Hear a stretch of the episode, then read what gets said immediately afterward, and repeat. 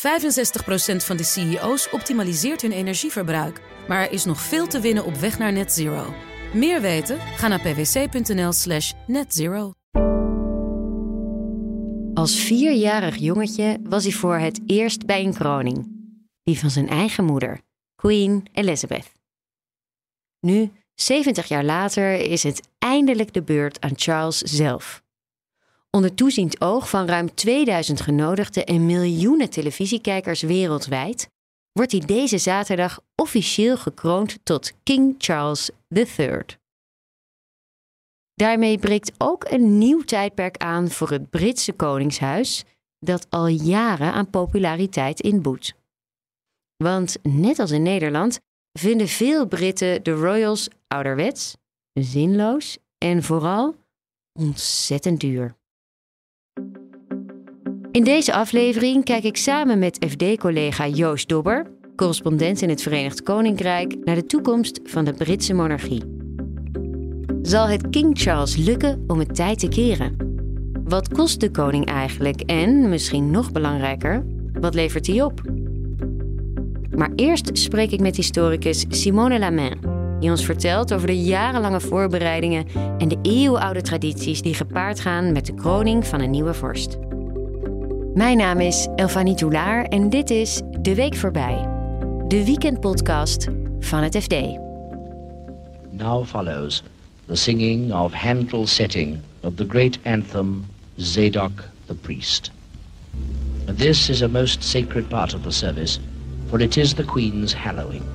In this garment of white, in such contrast to the splendors about her, she will move for the first time to King Edward's chair. Dit zijn de klanken van Zedok the Priest. En voor veel luisteraars zal het heel bekend in de oren klinken, want het is ook de tune van de Champions League. Maar het is al een heel oude melodie, geschreven door Handel in 1727 voor de kroning van koning George II. Dit wordt gedraaid of gezongen bij de uh, zalving. Dat is ook weer zo'n heel oud element van de kroningsceremonie. En het verwijst naar bijbelse tijden toen profeten de koningen zalfden. Dit is Simone Lamain. Als historicus en royalty-deskundige weet zij als geen ander hoe belangrijk tradities zijn bij een kroningsceremonie. Toch wil Charles het dit keer net even anders doen. Bijvoorbeeld als het gaat om de olie voor de zalving. De olie is samengesteld op een eeuwenoud recept, maar dat stuitte wel op bezwaren bij Charles. Er zaten namelijk ingrediënten in van dieren die op een hele nare manier aan die dieren werden onttrokken. En Charles heeft gezegd... Wat dan? Uh, de, ja, ik weet niet hoe je het uitspreekt. Civet kat. Mhm. Nou, kennelijk was dat een hele vervelende manier voor het arme dier. Waarop door hij zijn ja, iets moest afstaan. Charles heeft oh. gezegd, ik wil geen dieronvriendelijke ingrediënten in mijn uh, olie. Dus er is nu gekozen voor alleen maar plantaardige elementen. Rozenolie, lavendelolie. Uh, er zit jasmijn in ieder geval in. En wat er ook in zit is olijfolie uit Israël. En dat komt uit Jeruzalem van een klooster waar ook de oma van Charles, Alice van Battenberg, heeft gewoond. Die is later non geworden. Dus dat heeft ook weer een mooie link met zijn familie. Andere nieuwe elementen zijn bijvoorbeeld vrouwen die een grotere rol gaan spelen. Er zal een vrouw zijn die het Sword of State, het Rijkszwaard, aan Charles uh, brengt. Dat is altijd een man geweest, dat is nu een vrouw. Er zullen ook een aantal geestelijke zijn die vrouw zijn. Dat is nieuw. Dus je ziet inderdaad, er komen nieuwe dingen bij. Niet heel wereldschokkend, maar toch, er is wel een ontwikkeling. Charles mag dan kiezen voor een vegan zalving en vrouwelijke geestelijke. Op de meeste andere vlakken houdt hij vast aan de oude gewoonte. Er was eerst gezegd: Charles wil een kortere, zakelijke plechtigheid. Maar ik heb de liturgie doorgenomen. Het is 32 pagina's. Dus binnen een uur gaan ze het echt niet redden. De verwachting is dat het rond de twee uur gaat duren. En wat we gaan zien zijn verschillende ja, verkleedpartijen, om het heel oneerbiedig te zeggen. Charles krijgt verschillende mantels aan bij de verschillende onderdelen. Er zijn ook twee kronen die worden gebruikt.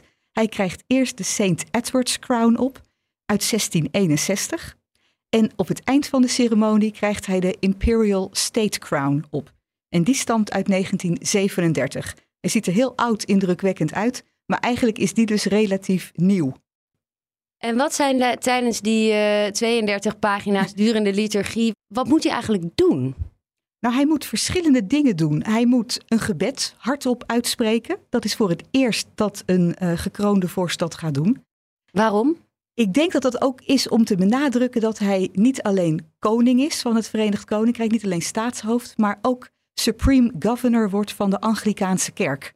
In het Verenigd Koninkrijk heb je geen scheiding, of in Engeland geen scheiding tussen kerk en staat. Dus Charles wordt ook leider, de wereldse leider van de kerk. En om dat te benadrukken, zal hij ook uh, zelf gaan bidden.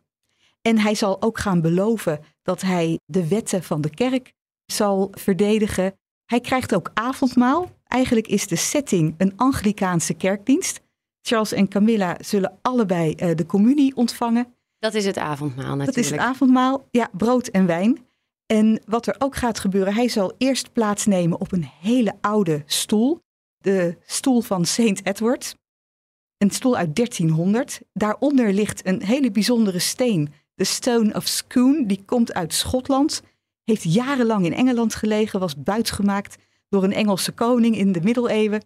Is toen weer teruggegaan naar Schotland, maar de Schotten hebben wel beloofd Mocht er een kroning zijn, dan krijgen jullie hem even terug.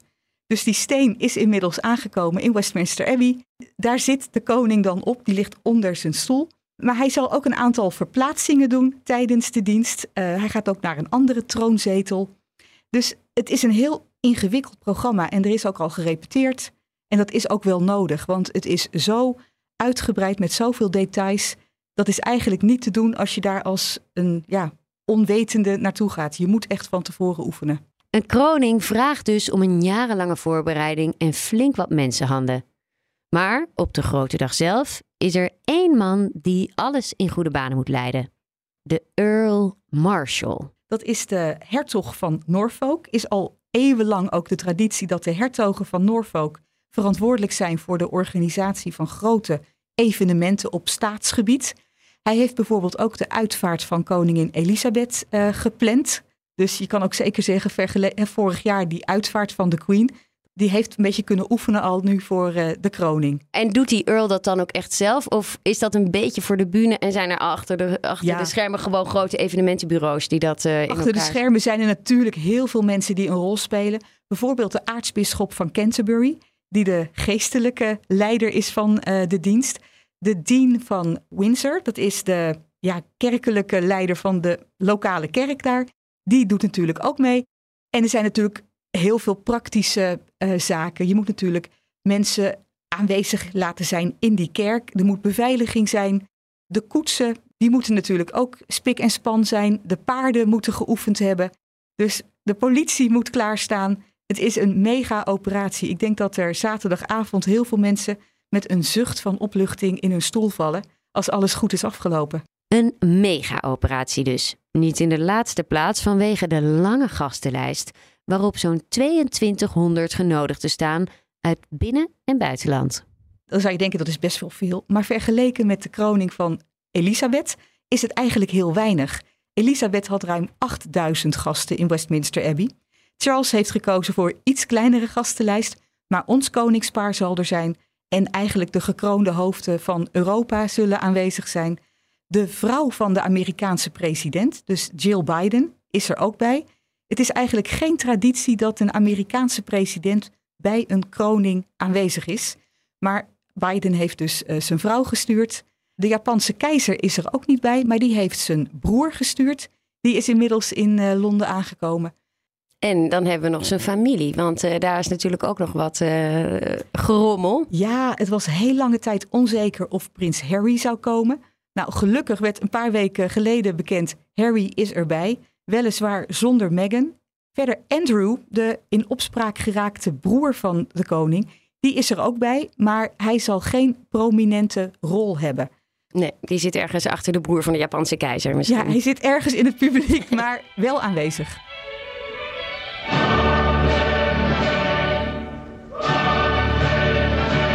En dan zijn er natuurlijk ook nog de tienduizenden mensen die zich buiten Westminster Abbey zullen verzamelen om een glimp op te vangen van hun nieuwe koning.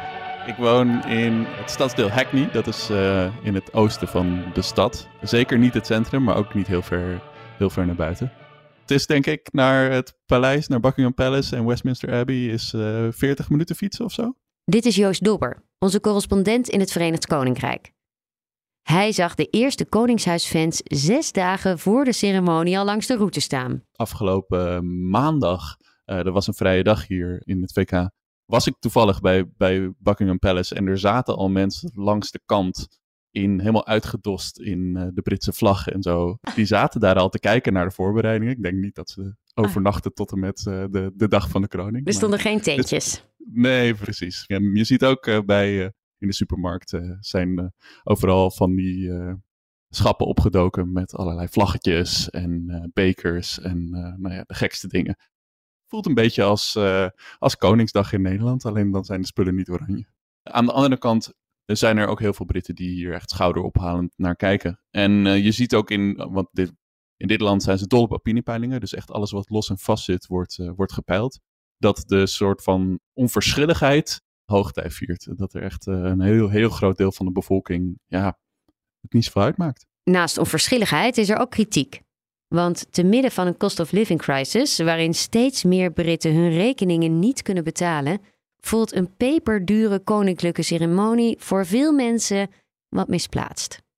Al weet eigenlijk niemand precies hoeveel het spektakel gaat kosten. Dat wordt pas na afloop bekendgemaakt. Het enige bedrag wat een beetje rondzinkt is 100 miljoen pond. Uh, dus dat is, uh, wat zal het zijn, 113 miljoen euro ongeveer.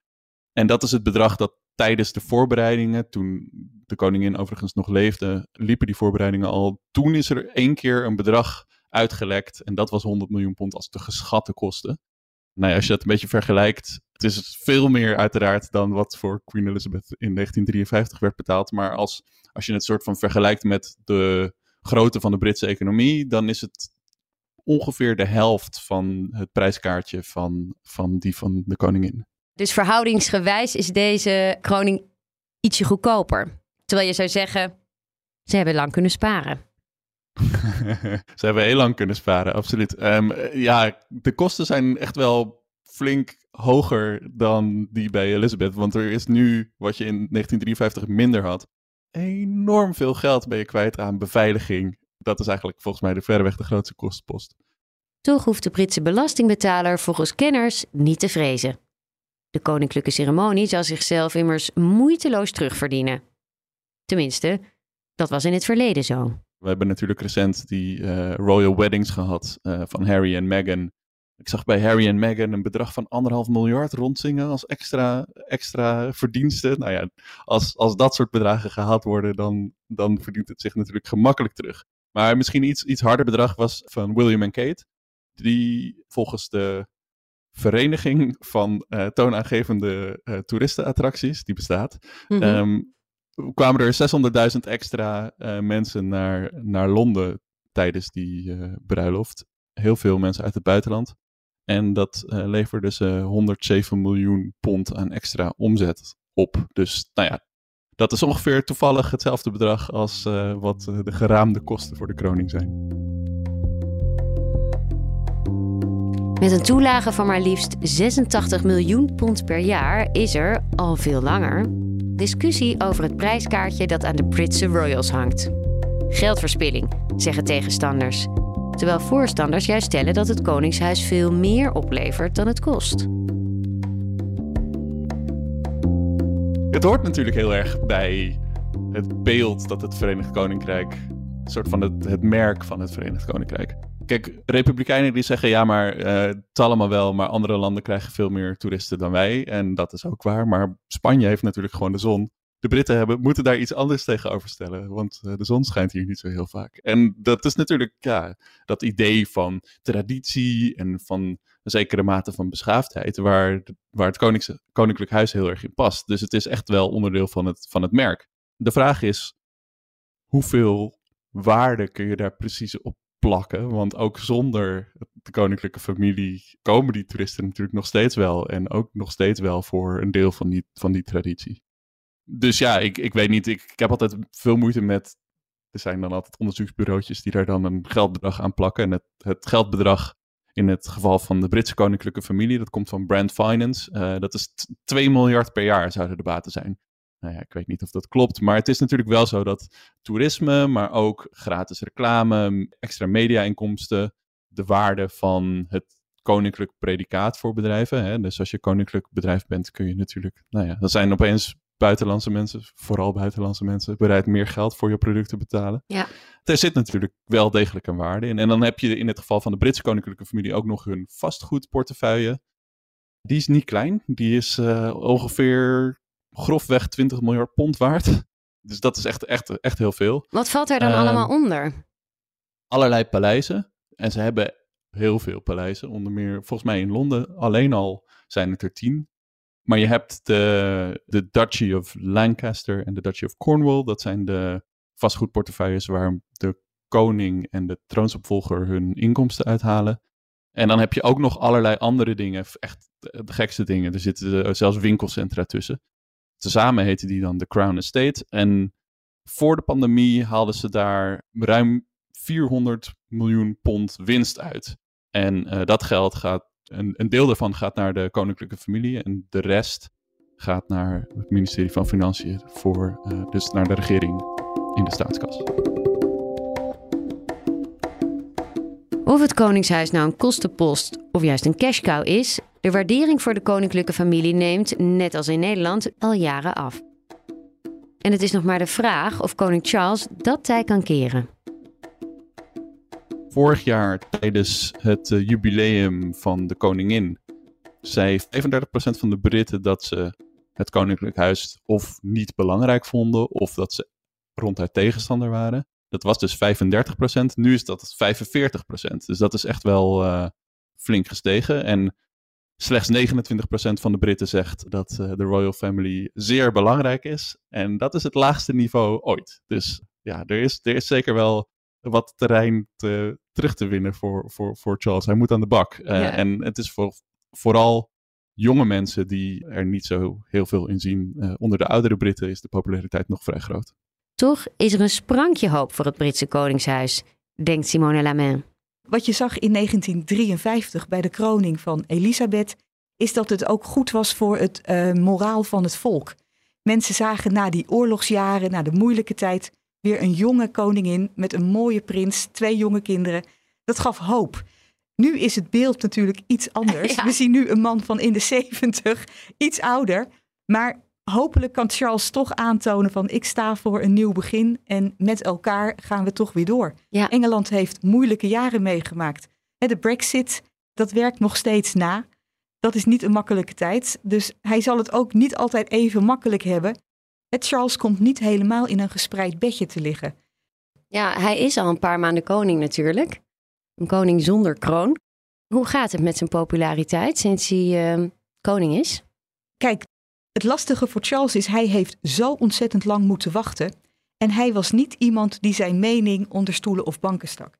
Wij weten gewoon hoe hij denkt over thema's als duurzaamheid, klimaatverandering, de veelkleurigheid van de Britse samenleving, de aandacht voor andere religies. Daar is hij ook echt wel mee bezig. Elisabeth was iemand die echt boven de partijen stond. Die kon je niet echt betrappen op het hebben van een politieke mening. Charles heeft die geschiedenis wel. Dus ik denk dat het voor hem ook moeilijk is om dat naast zich neer te leggen. Maar de afgelopen maanden heb je hem nog niet echt kunnen betrappen. Hij heeft ook al één staatsbezoek afgelegd aan Duitsland. Nou, dat was echt een groot succes. Je ziet in Duitsland heel veel uh, liefhebbers van monarchieën in het algemeen. Dus misschien dat Charles in het buitenland, in Europa, wel geliefder is dan in zijn eigen land. Charles zal dus hard aan het werk moeten als hij wil dat ook de Britten hem massaal in hun hart sluiten. En ook in de rest van zijn koninkrijk, de Commonwealth, vallen nog genoeg zielen te winnen. Er was een recent onderzoek dat, waarin zes van de veertien landen, daar was een meerderheid van de bevolking zijn, nou, we willen liever een rep republiek zijn. En Australië en Canada hoort, horen daar ook bij. En we hadden recent natuurlijk ook Barbados, die uh, de monarchie hebben afgeschaft en een republiek zijn geworden. Dus daar speelt zeker wel wat. En er zouden best wel, nou ja, nu.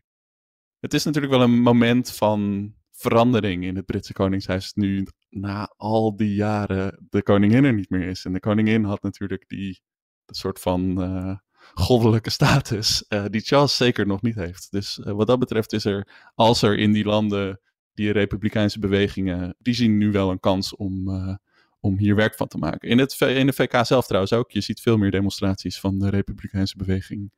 Maar stel dat, dat, dat een Canada of een Australië besluit een republiek te worden, heeft dat dan nog effecten op Groot-Brittannië? Niet direct, maar misschien wel indirect. Het is natuurlijk, ja, kijk, zeker sinds de Brexit zijn de Britten nogal gevoelig voor allerlei signalen van relatief statusverlies. En als Australië en Canada zouden zeggen, nou, dat, koninklijke familie van jullie, die motten we niet meer.